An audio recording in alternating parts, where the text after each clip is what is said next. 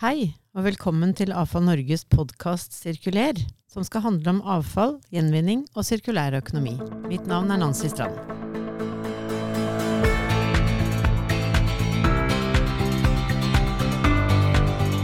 Hei, um, og hjertelig velkommen til Avfall Norges podkast Sirkuler. Den handler om avfall, gjenvinning og sirkulær økonomi. I dag skal vi snakke om eh, klima og ressurseffektivitet, og bli mer kjent med FNs internasjonale ressurspanel.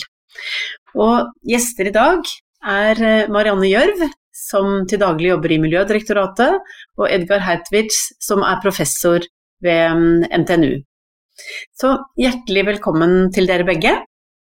Tusen takk.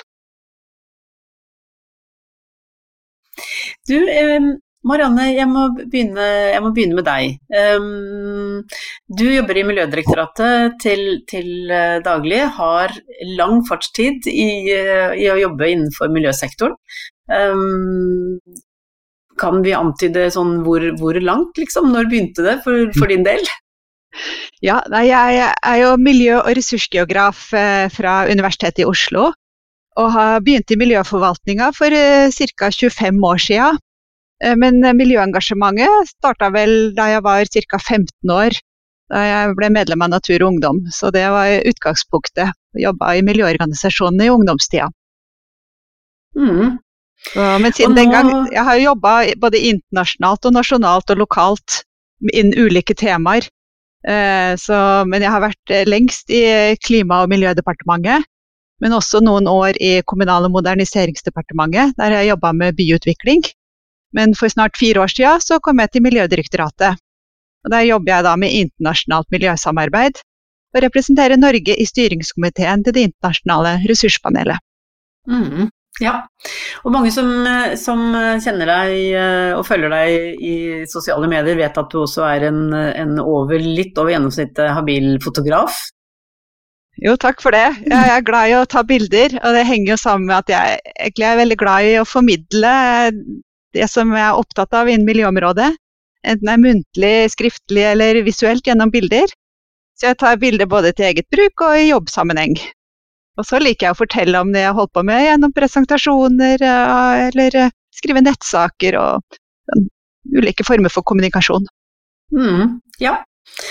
Um, så um, Edgar, du er eh, til daglig professor ved NTNU og er forskerrepresentant i, i, ressurspanelet. Men kan ikke du si litt om, om um, hva, hva, som er dine faglige spesialområder? Ja, jeg, jeg, jobber da egentlig med um, å forstå økonomien fra et miljøperspektiv. Um, jeg jobber i et fagfelt som heter industriell økologi. Um, og uh, vi har et systemtilnærming til både produksjon og forbruk Um, så jeg har jobbet uh, med å utvikle metoder til beregning av fotavtrykk. uh, både karbonfotspor uh, og andre miljøpåvirkninger, toksiske påvirkninger, bruk av materialer uh, og slike ting. Og så uh, de siste 15 åra mest opptatt av klimaspørsmålet. Uh, og hvordan vi kan redusere um, utslippet vårt um, både gjennom teknologiske tiltak, uh, hvor vi har undersøkt ulike teknologier fra karbonfangst og -lagring til, uh, til elbiler osv. Uh, også gjennom forandring i produksjonsmønster og forbruksmønster. Mm. Ja. Så, så hvordan, hvordan, var det du kom inn i, i ressurspanelet? Um, jeg ble da nominert ja. av Norge, men, men, men, det var Jeg startet, så Ressurspanelet startet i 2007. Um, og, og, jeg var med dem i, fra, helt fra starten, så jeg var, når vi startet, jeg var jeg det yngste medlemmet i, i, ressurspanelet. Uh, og vanligvis så Eller de har kommet fram til at du skulle sitte kun to perioder. Uh, så min tid er egentlig over, eller har vært det lenge siden. Men når du leder en rapport, uh, så, så, får du sitte lenge. Ikke sant? så det, det, var på en måte min tredje rapport og den som, som, uh, som vi nettopp diskuterte i webinaret. Så, uh, og så er det spørsmål um, det de modeller som vi har bygd opp, de er veldig nyttige.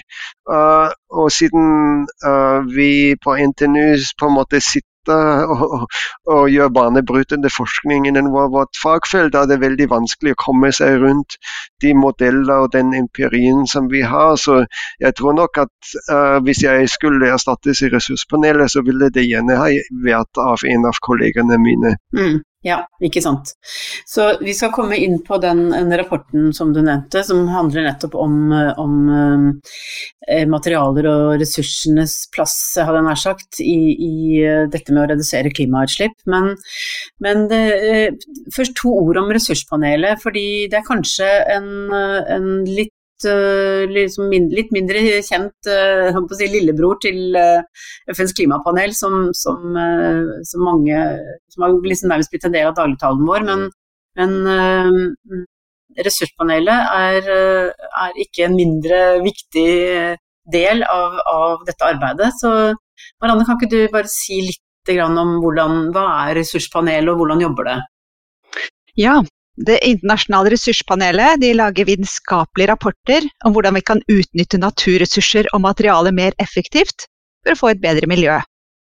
Og På lik linje med FNs klimapanel og FNs naturpanel, så sammenstiller ressurspanelet eksisterende kunnskap fra internasjonale forskningsmiljøer. Og panelet har ca. 40 forskere fra akademiske institusjoner i mange land, innen både samfunns- og naturvitenskap.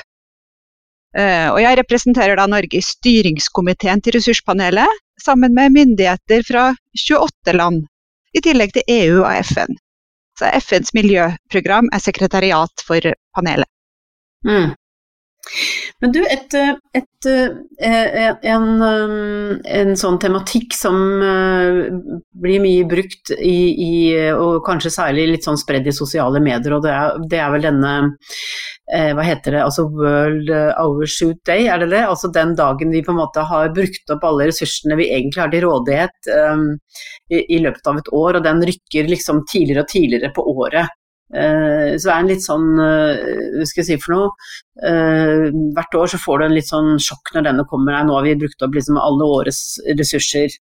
Er, er, den vitenskapelig basert, eller er det en popularisert utgave av at vi har et høyt ressursforbruk? Hva syns du, hva, hva mener du, Edvard? Ja, nei, nei det, det, er jo omstridt i vitenskapen. Um, så, men, men, jeg mener egentlig at, at det baserer på økologisk fotavtrykk. Metoden uh, som ble utviklet for lenge siden av, av Mattis Wackernagel og, og, William Riis. Uh, de ser på klimautslipp, og så ser de på, på hvor mye land vi bruker. Uh, og jeg mener egentlig at det er en veldig god tilnærming. fordi det, det er på enkel vis omfatter det både klima- og biodiversitetsproblemstillinger. Så vi har for høy forbruk av land, det er for lite forbruk igjen um, til naturen, ikke sant? til andre arter. Mm. Og så har vi for høy klimagassutslipp. Um, så, så, jeg mener at det gir en, en riktig pekepinn, selv om, uh, om, det er ikke så mye utredet som enkelte andre ting, så, så er det egentlig ikke noe som, som, sier at det er feil. Jeg, ikke, jeg, jeg, finner, jeg vet at det er kollegaer som, som kritiserer metoden, men, men jeg, finner ingen som tviler på de konklusjonene som, som denne indikatoren gir. Mm. Så det, det, det, det, er jeg egentlig glad for at du sier, fordi det, er en veldig tankevekkende eh, markering på en måte, og kanskje nettopp mm. det vi skal snakke om nå. altså at eh, når vi snakker om klima, så, så, er det mye vekt på energiforbruk, energibærere, energisystemene, men ikke like Det har i hvert fall ikke vært til nå like mye oppmerksomhet rundt eh, eh koblingen til materialeffektivitet, eh, materialforbruk osv. Uh, og ressursuttaket. Mm. Så, så, Marianne, hva var, hva var, bakgrunnen for at FNs da, ressurspanelet satte i gang et arbeid med dette? Jo, nei, de, Bakgrunnen for denne rapporten som handler om klima og ressurseffektivitet, var jo å få oppmerksomhet om materialbruken bl.a. og energi i bygg. Og så har de eksempler innen bygg uh, og biler. Og energi i bygg har lenge vært et tema i klimaarbeidet. Uh, men alle tenker ikke så mye på kanskje materialene i boligene våre også har sluppet ut klimagasser. Enten det er fra produksjon av trevirke, glass, stål eller betong. Vi er veldig opptatt av å ha det bra innetemperatur, at strømregninga ikke skal bli for høy. Eh, men vi må se på en måte hele klimaregnskapet her. Det samme gjelder jo for biler. Eh, vi har vært opptatt av kjøretøyteknologi og hva slags drivstoff bilene bruker. Eh, og hvis det er en elbil, så er vi opptatt av hvor lang rekkevidde den har. Og vi kaller det nullutslippsbiler. Men i et klimaregnskap så må vi også se på de materialene som bilen er laget av. At de også har sluppet ut klimagasser, enten det er fra produksjon av metaller, glass, plast eller tekstiler.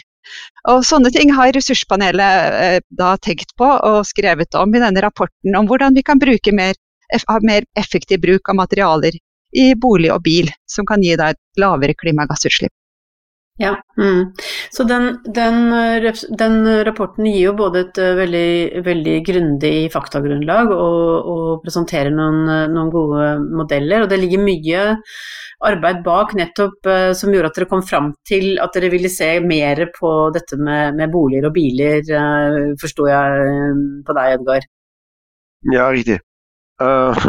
så, så, det er jo kun materialbruk i byggesektoren står for 10% av globale klimagassutslipp. Det er tre til fire ganger så viktig som flytransport. ikke sant? Uh, så, så, det sier seg selv at det, at det er viktig. Og som, som, du sier, Nancy, at før så har folk mest sett på det med energibruk i bygninger. Og det er selvfølgelig viktig hvis du bor i et, et kaldt land, men det gjør ikke uh, flertallet av den globale befolkningen. Uh, så de land hvor vi bygger bolig i dag, så er det stort sett ikke behov for oppvarming. Det er heller behov kanskje for nedkjøling, som er mye mer energieffektivt enn oppvarming. Um, så, um, så, vi ser at globalt sett så er det med produksjon av byggematerialer veldig viktig. Og så skjønte jeg at dere har gått ganske langt da, i retning av å si at det er visse materialer som er, er mer eh, som er riktigere å bruke, ut fra de beregningene og, tankene dere har gjort dere. Så da, da, dere går ganske langt. Ja, nei, nei det, de store utslippene knyttet til byggematerialer er jo knyttet til sement og, og stål. Uh, og hvis vi kan redusere på en måte bruk av sement og stål, og, og, i viss grad også glass og, og andre metall og metaller, så, så ville det bidra mye. Så vi egentlig ser mest på det med um, biogene materialer, altså trevirke og, og, andre materialer som kan kanskje brukes uh, som byggematerialer. Uh, men, men når, når, det er sagt, så er det viktig å tenke på hvilke oppfyller materialene funksjonen på en bra måte. Og, og, det som vi kan gjøre med trevirke nå, uh, betyr ja egentlig at, at, vi kan bygge høyere hus, vi kan lage, lage seg sterkere og, og, ha lengre levetid. Uh, enn det før gjennom nye tilnærminger og ny teknologi. Um, men det finnes selvfølgelig også uh, tilfeller hvor det er best å bruke stål og betong.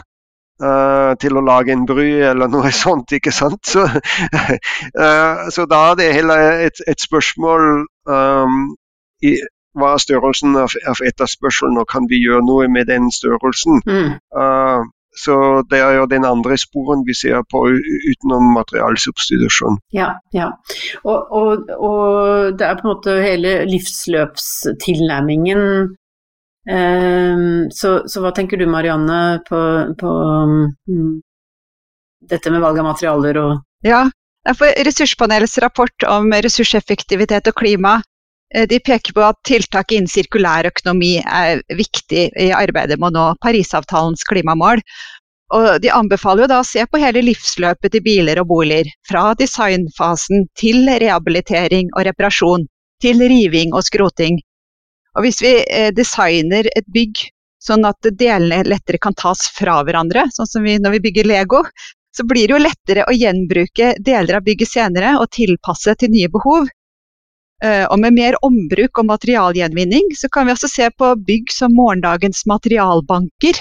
Da må vi jo vite hva byggene er, eh, består av, og da er digitalisering et stikkord, sånn at vi får god oversikt over det. Og Ressurspanelet anbefaler også bruk av mer miljøvennlige materialer, som eh, Edgar var inne på, som f.eks. å bygge hus i tre istedenfor stål og betong, i hvert fall i noen tilfeller. Og kanskje et hus eller en bil kan lages med færre og lettere materialer. Og kanskje kan vi leie mer eh, av det vi trenger eh, som en tjeneste, istedenfor å eie det. Og da vil det lønne seg å bygge med kvalitet, slik at det varer lenger, enten det er en bil, en bil eller en bolig. Mm, mm. Altså, um, Edgar, jeg, noterte meg et, et, eksempel du brukte i, i, i, som du har brukt um, når det gjelder bil. Um, fordi du, jo, du, trekker fram dette med, med, bildeling og samkjøring og på en måte ting som vi har jo begynt å tenke på, men det har kanskje ikke fått et gjennomslag ennå, men sånn ordentlig. Men, men uh, et eksempel du trakk fram var Eh, at det er ikke bare kjøringen, men det er det at du velger hvor stor bil velger du. Uh, og at hvis du er en del av en bildelingsring, så vil man kanskje velge mindre biler. Og, og, for, og at det da også er effektiv materialbruk. At vi, vi har en tendens til å velge litt større biler enn det vi uh, egentlig trenger i det daglige. Da. Så, sånn, så, så hvordan er det dere har tenkt rundt dette med, med si, altså, bilens bruk da, for, som et effektivt uh, virkemiddel for å redusere klimautslipp? Nei, det er jo biler står ja, 90-95% av tida står de på parkeringsplass eller i garasjen, ikke sant. Uh, og det er jo ikke noen effektiv bruk av, uh, av den investering. Um, og det er jo diskusjoner om det med å heller dele på flåter av biler. Og det finnes på en måte mange tankemodeller bak det nå. Så det er store bilprodusenter som har gått inn i og sagt nå skal vi designe bilen som er spesielt god egenhet for det med å bli delt blant, blant flere. Og teknologien har jo blitt veldig god. Uh, når jeg i, bodde i USA, så jeg var også del av sånn bildelingsselskap, eller hadde et abonnement på et bildelingsselskap. og Det var ikke så langt unna. Jeg kunne på en måte gå til bilen og låse det opp med telefonen min uh, og bare begynne å kjøre. og så var det, Jeg betalte for hver halvtime. ikke sant? og Da var det alltid at du velger den bilen som var billigst for, for det som du skal gjøre. Og hvis du må ikke transportere noe, bare, bare kjøre barna på, uh, på, en fotballkamp, så tar du en liten bil. Men hvis du, hvis du skal til Ikea, så finnes det en stor bil som, som du kan låne fra, fra samme uh, på en måte organisasjon uh, og bruke for den transporten. Men det er heller sånn når vi kjøper bil, så tenker vi på de enten feriereiser hvor vi skal for min familie transportere mange par med ski, uh, skisko og, og, og, og, ski på taket osv., så, videre, så trenger du en stor bil. ikke sant? Uh, eller andre tenker på, på at de skal uh, trekke noen tilhengere osv. Så, videre, så um, så da trenger du også en viss størrelse bil. og så, så kjøper du egentlig bilen til den den tungste bruken som, som du har. Mm. Ikke sant.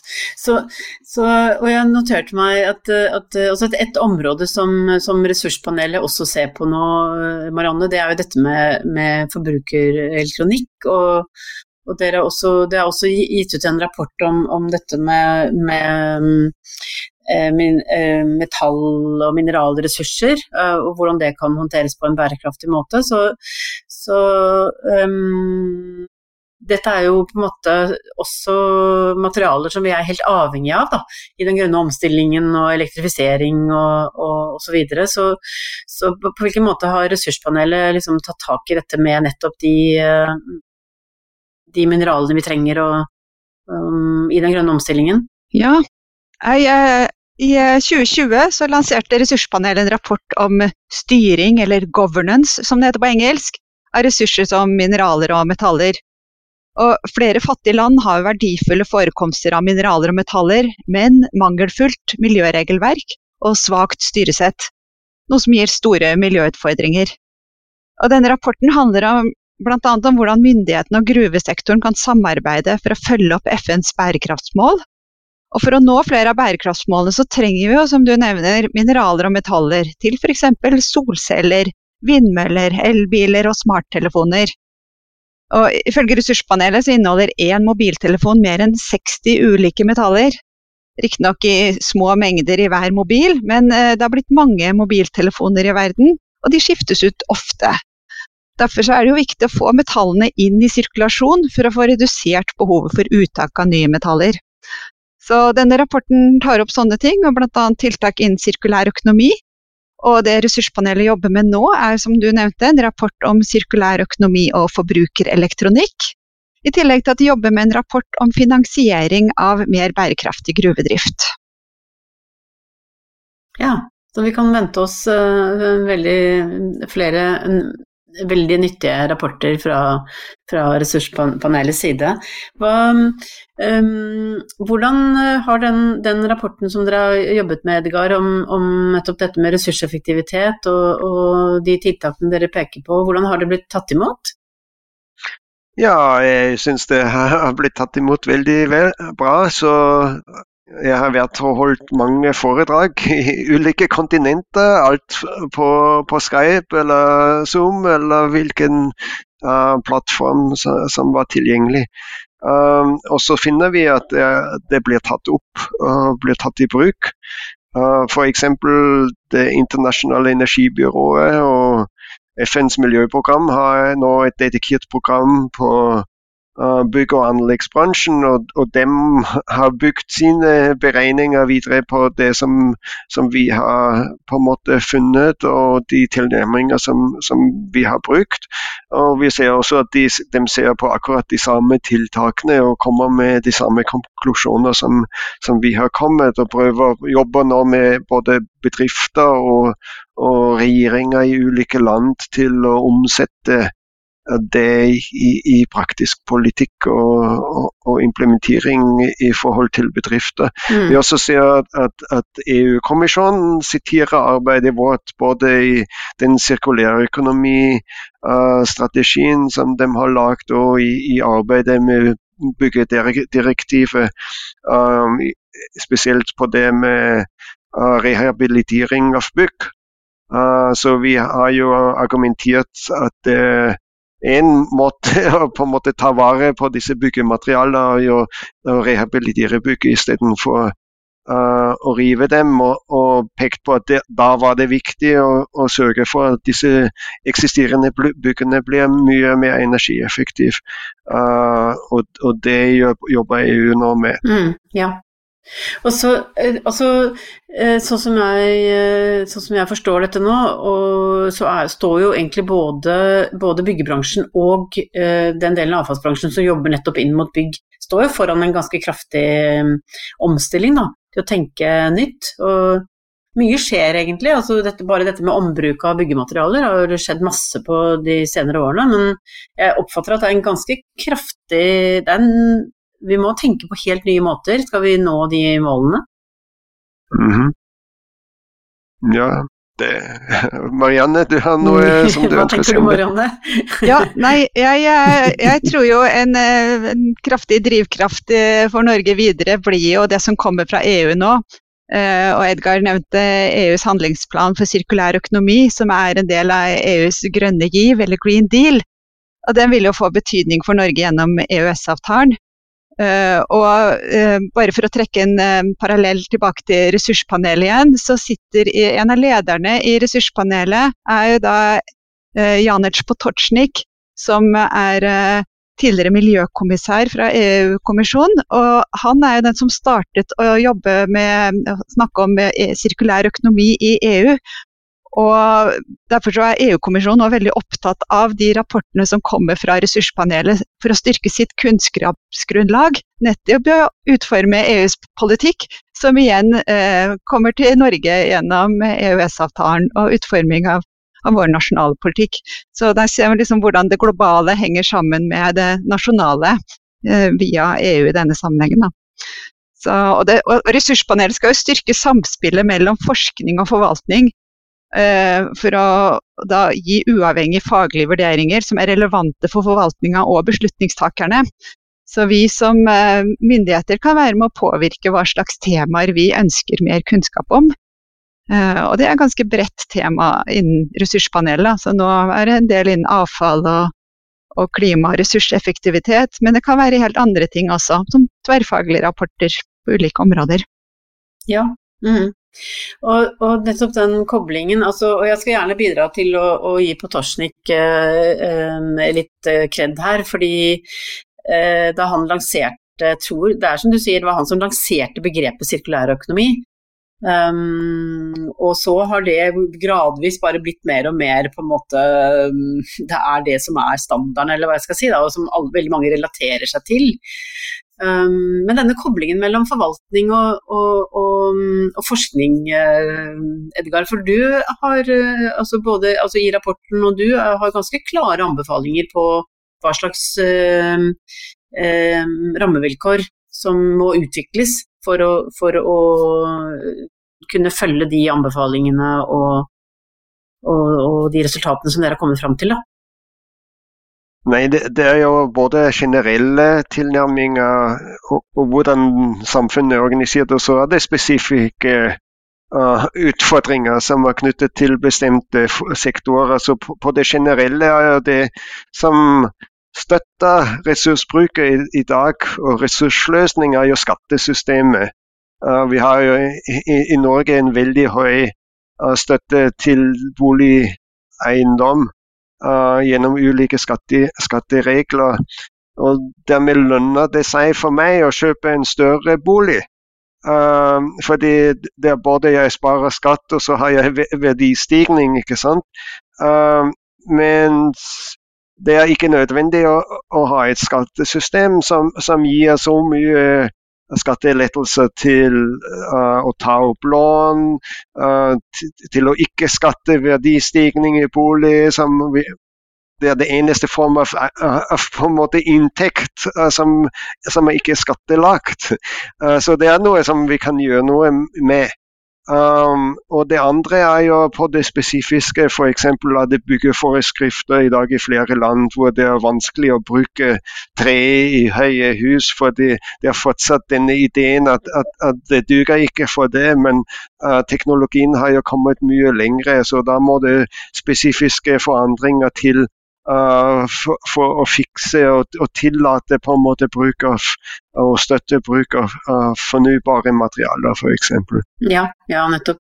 Og det, det jeg, jeg, tenker jo altså, Du var jo inne på det i sted, at, at det, det, behovet vi har i Norge for, for boliger med oppvarming, og, og, det er ikke typisk for, for, resten av verden, men vi har jo også en, en vi har ikke hatt mye fokus på arealeffektivitet, og, og mm, i hvert fall ikke i boligsektoren. da. Uh, og fritidsboliger, ja, kan du også si jeg tror at, at egentlig uh, det er ikke, ikke at, at, det er villet politikk, men det skjer uansett. Uh, og, og, og, delvis er det fordi det er så stor press i storbyene på boligmarkedet, at det, det er mange nye boprosjekter som er veldig arealeffektivt. At det bygges. Og, og det er delvis er det egentlig villet politikk i forhold til det som byer vil, det er ikke nasjonalpolitikk. Um, at den fremmer på en måte arealeffektive uh, boligbygning. Um, så, så vi, vi, har tidligere hatt et seminar hvor det var utbyggere som, som kunne forestille um, sine prosjekter med, hvor det var istedenfor at du, du, har et gjesterom i din, din, egen bolig, så kan du leie et gjesterom som flere deler på. ikke sant? Og slike eksempler. Uh, når du har bildeling uh, som er knyttet til ditt boligprosjekt, så trenger du ikke bygge så mange parkeringsplasser eller garasjeplasser. Um, og det er jo en, en gevinst. Uh, som, som, så prosjektet blir billigere gjennom dette. Uh, så, så, det er ting som jeg syns skjer, faktisk. Jeg, jeg, observerer at det skjer, og det er veldig spennende. Ja. Ja, um, vi hadde jo en prat med, med Bjørn Haugland i, i nettverket Skift, uh, i, i, som jobber med klima og bærekraft i, i næringslivet. Og og han var inne på, det, på noe av det samme, at uh, det som skjer nå, kanskje drevet fram av, uh, av mye mm, bærekraftstenkning i næringslivet, er jo nettopp nye løsninger og, og, mer oppmerksomhet rundt det vi ønsker å oppnå, enn det vi ikke ønsker å gjøre. Um, sånn at den positive drivkraften mot hva er um, gode liv, hva er, en, hva er, gode løsninger og måter å både leve og bo og, og transportere oss på, Um, det er kanskje det sosiale elementet i, i bærekraft um, du, du, var jo litt inne på det, dette med, um, dette med liksom, de sosiale uh, elementene. Og det, det snakket om liksom, hvordan produsentlandene uh, som, som, produserer varer og materialer som vi bruker, de får ulempen, mens vi får alle fordelene ved å ha et høyt forbruk. Så, så, så, hvordan kan vi få opp det sosiale elementet i, i, i dette, i, både med tanke på oss her med det gode liv, og i det produksjonsmønstrene og forbruksmønstrene vi har? Det, det, det, var et veldig stort spørsmål, kjente jeg nå, men uh, jeg snakket meg liksom fra det gode liv i, i, bolig, i boligene våre over til det store globale sosialspørsmålet. Jeg, jeg, kan kanskje prøve å svare på det, også både ja. fra det lokale med boligen og over til det globale. Uh, som, som, en uh, overgang. Uh, for en kommentar til det som Edgar nevnte, da, at man må se på arealeffektive boliger og hvordan selve boligen er uh, designa. Eh, men jeg er også opptatt av å se, liksom, og det også står i rapporten, at man skal se på det litt større bildet også. En samordna areal- og transportpolitikk f.eks. Nærhetsbyen, hvordan man har de tjenester man trenger i nærheten av der du bor og jobber. Eh, eh, og det har jo blitt mye snakk om fortetting i byer. Men jeg er litt opptatt av å se sammenhengene mellom klima, forurensning, arealbruk og naturmangfold. Sånn at vi ikke bare tenker klima, for det blir plutselig feil det òg. I forhold til folks eh, livskvalitet så vil vi gjerne ha natur og vann i by f.eks. Og det er viktig for klimatilpasninga. Sånn at vi tenker fortetting med kvalitet. Og at vi får da de grønne og, og de blå verdiene inn i en by f.eks.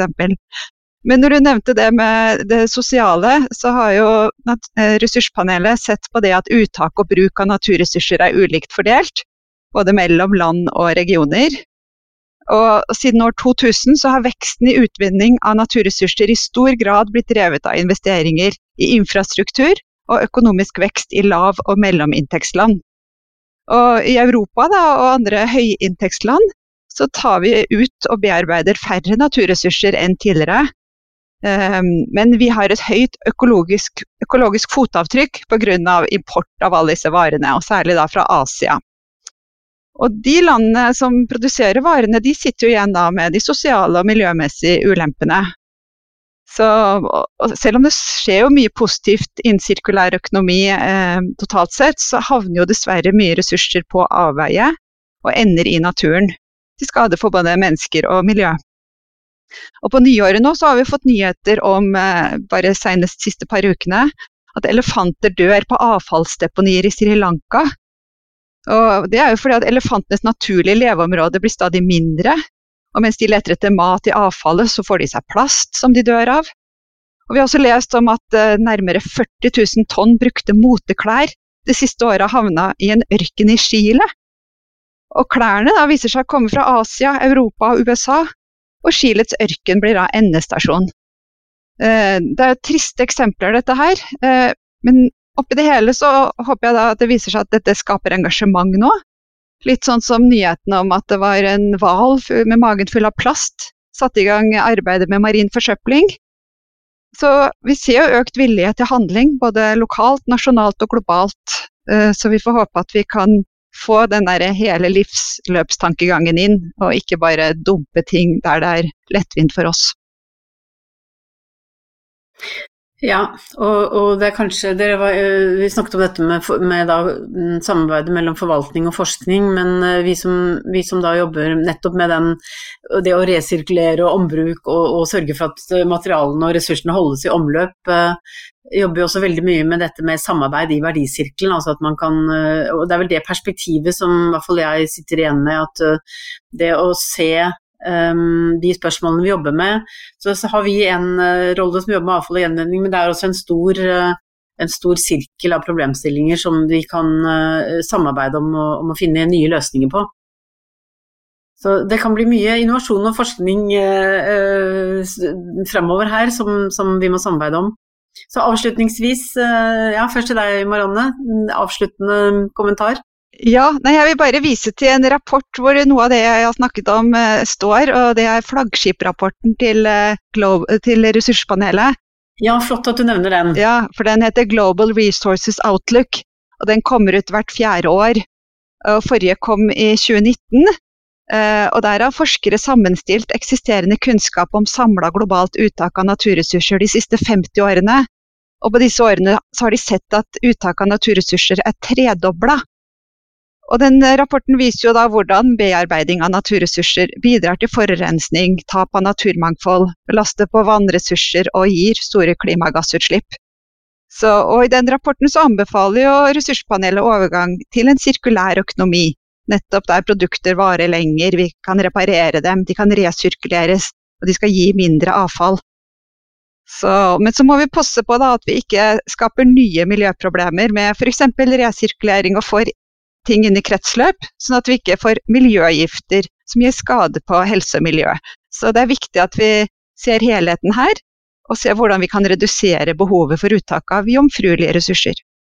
Så, men neste rapport uh, i Resources Outlook kommer i 2023 på bestilling av, uh, fra FNs miljøforsamling. Så da kan dere bare følge med på Miljødirektoratets nettsider om ressurspanelet, så kommer det nyheter om det etter hvert. Ja, Tusen takk, Marianne. Det, det, skal vi nok sørge for å få behørig oppmerksomhet uh, rundt. Så hva, hva, blir det viktigste for deg nå fremover uh, i ditt arbeid, Edgar? Nei, det er Marianne har jo nettopp snakket om det med, med biodiversitet og, og ta vare på naturen. Um, nå, nei, jeg har jobbet nå lenge med det med klima, men jeg ser at flere av de tiltakene som vi ser på, også har påvirkninger på naturen. Uh, gjennom arealbruk, uttak av ressurser fra nat naturen, vannbruk osv. Jeg har lyst til å se på flere indikatorer og forstå hva er påvirkning eller hva er nytten av, av, de strategier som vi har undersøkt i forhold til naturvern. Um, og jeg, jeg, har en forhåpning at det kan også bidra til å redusere uh, tap av uh, biomangfold. Ja, det... Men det, vi, det, vet vi ikke, ikke sant? Nei, så det er litt sånn, mm. vi, vi, kjører litt sånn blindt. vi, vi, vet at, at, at vi, har en stor krise. Den andre store krisen ved siden av klimakrisen er, jo det med at, at på en måte insekter forsvinner og, og fugler blir mindre. og uh, Det, det er tap uh, på naturmangfoldet i, i, hele verden, og også hos oss. Um, og, og det ønsker vi ikke å ha. Nei, det er Veldig flott at det, at det, blir mer forskning på å se disse sammenhengene og se helheten. Men da vil jeg eh, ønske, eh, si tusen takk til dere begge for at dere var med i iallfall Norges podkast i dag. Bare hyggelig. Takk. Hyggelig å snakke med deg, dere begge. Ja, i, I like måte. Og da begynte anledningen til å takke alle som har hørt på, og um, produsentene våre, som er eh, Håkon Bratland og Anna Fagerheim. Og vi høres igjen veldig snart. Ha det riktig bra. Ha det.